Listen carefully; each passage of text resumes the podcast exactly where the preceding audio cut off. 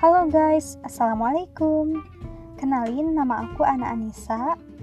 Jadi aku mau cerita nih kenapa bikin podcast? Awalnya tuh karena keresahan aja, keresahan diri. Kenapa sih banyak banget waktu luang? Sayang banget kalau nggak dipakai gitu. Sayang banget, asli sayang banget kayak ke dia. Enggak deh bohong Jadi sayang aja kalau misalkan waktu aku tuh terbuang sia-sia gitu. Makanya bikin podcast lah. Nah, namanya tuh Ansata. Ansa itu diambil dari nama aku sendiri, anak Anissa, dan taknya itu cerita.